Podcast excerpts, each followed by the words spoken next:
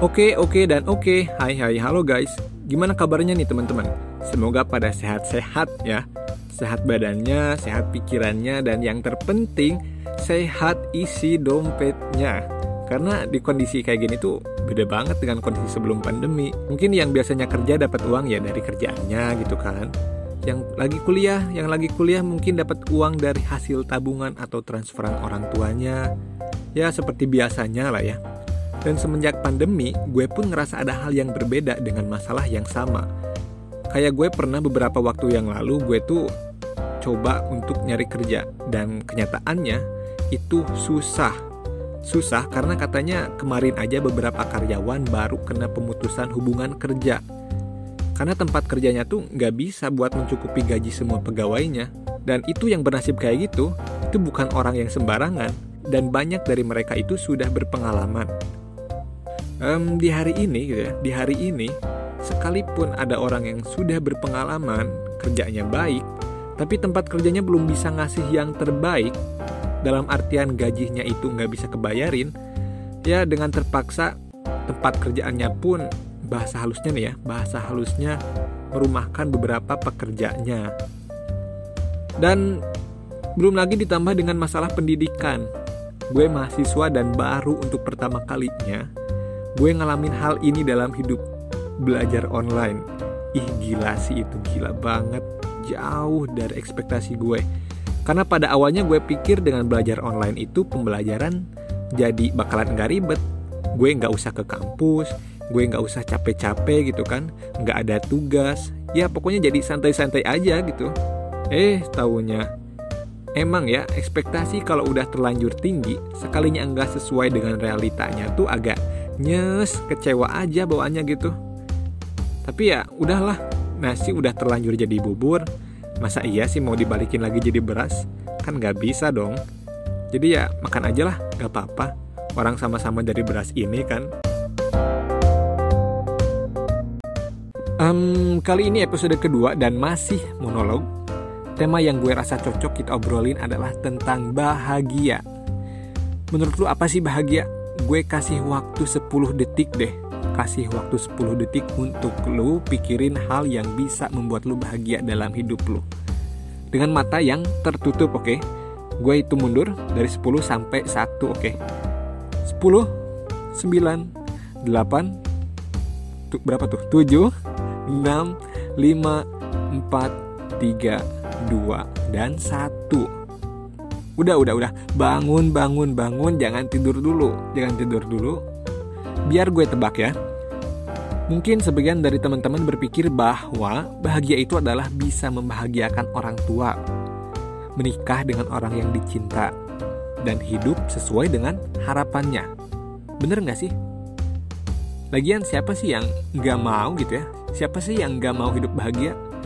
Nggak ada satupun manusia yang hidup di muka bumi yang mau kehidupannya itu menderita. Nggak ada di mana pun. Karena sebagian besar orang berpikir bahwa tidak ada hal yang baik ketika kondisinya lagi menderita dan susah. Dan juga mereka berpikir nggak ada hal yang bisa disyukuri. Dan seumpamanya bersyukur pun itu nggak akan bisa ngerubah kondisi mereka. Um, gini ya, Soal bahagia, setiap orang punya caranya sendiri untuk mengekspresikan kebahagiaannya. Dan kita gitu kan, kita nggak ada hak di dalamnya. Kita nggak ada hak nentuin kebahagiaan orang. Semisal nih, semisal orang itu lagi bahagia gitu kan, lagi seneng. Dan orang itu tuh ngeposting ke Instagram atau ke WhatsApp story-nya gitu kan. Atau semacamnya lah ya, Facebook, Twitter, ataupun apa gitu. Dia ngeposting ke media sosialnya dan seketika lu itu mengomentari kebahagiaannya. Kayak ih apaan sih gitu doang? Padahal kan itu kebahagiaan orang lain. Kebahagiaan orang lain tuh berbeda dengan kebahagiaan kita gitu kan. Jadi kita nggak ada nggak ada hak untuk mencampuri kebahagiaan orang lain. Bisa jadi loh karena lu bilang ih gitu doang. Bisa jadi kebahagiaan orang lain yang seharusnya dia rasain dia malah jadi mentalnya tuh kayak down gitu kan. Karena dapat komenan yang kurang mengenakan gitu kan bisa jadi itu bahaya banget sih emang soal kebahagiaan itu agak sedikit sensitif ketika kita memposting atau meng upload ke media sosial. Dan juga setiap orang punya caranya sendiri dalam merasakan kesulitannya. Belum tentu hal yang kita rasa mudah itu mudah untuk orang lain. Bisa jadi gitu kan, ketika kita merasa mudah tentang hal tertentu, pada nyatanya orang lain itu menganggap hal itu sulit. Semisal kayak gini deh, kita masuk ke universitas yang kita mau, dan kita bahagia, juga senang. Pokoknya bersyukur banget deh akan hal itu. Tapi di sisi lain, teman atau sahabat kita sendiri gitu kan yang awalnya benar-benar serius pengen lanjutin studinya di situ ternyata hasilnya dia itu nggak masuk padahal lu udah punya mimpi bareng-bareng dengan temen lu itu dan untuk lu gitu kan untuk lu dan mungkin untuk gue menyikapi hal itu ya gampang cukup dengan bilang sabar ya nanti pasti ada yang terbaik untuk lu kok hey it is doesn't make something change. Dengan lu ngomong gitu, keadaan seseorang gak akan berubah. Tetap gitu-gitu aja. Gak akan dia langsung tiba-tiba keterima gitu kan. Bareng-bareng lagi dengan lu untuk ngewujudin mimpi bersama. Memang, memang nih ya, memang gak ada yang salah dengan ucapan itu.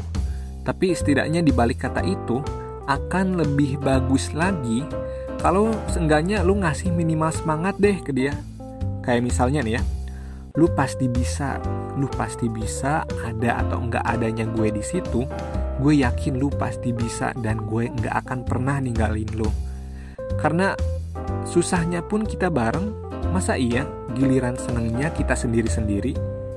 Dengan lu bilang kayak gitu secara enggak langsung itu memperkecil ruang lingkup pikiran orang untuk tidak bersyukur dengan keadaannya hari ini. Apalagi kalau kita bisa ngasih rasa yakin gitu kan ke dia. Bilang bahwa apa yang terjadi hari ini pasti adalah yang terbaik buat dia di lain hari. Emang sih gue tahu gue ngerti dan gue paham bahwa gak mudah untuk seseorang kecewa dengan harapannya sendiri bahkan beberapa orang ada loh yang sampai frustasi nangis curhat sana sini sampai menarik diri dan pernah gue dengar ada kasus orang bunuh diri karena enggak lolos tes seleksi. Um, gimana ya? Emang susah sih susah untuk memahami apa yang seharusnya kita jalani. Harapan dan kenyataan kadang berbeda gitu kan. Dan jujur hari ini gue kuliah di kampus pun itu sebenarnya bukan tujuan dan rencana dari hidup gue. Tadinya gue pengen ke kampus di daerah Jatinangor gitu kan.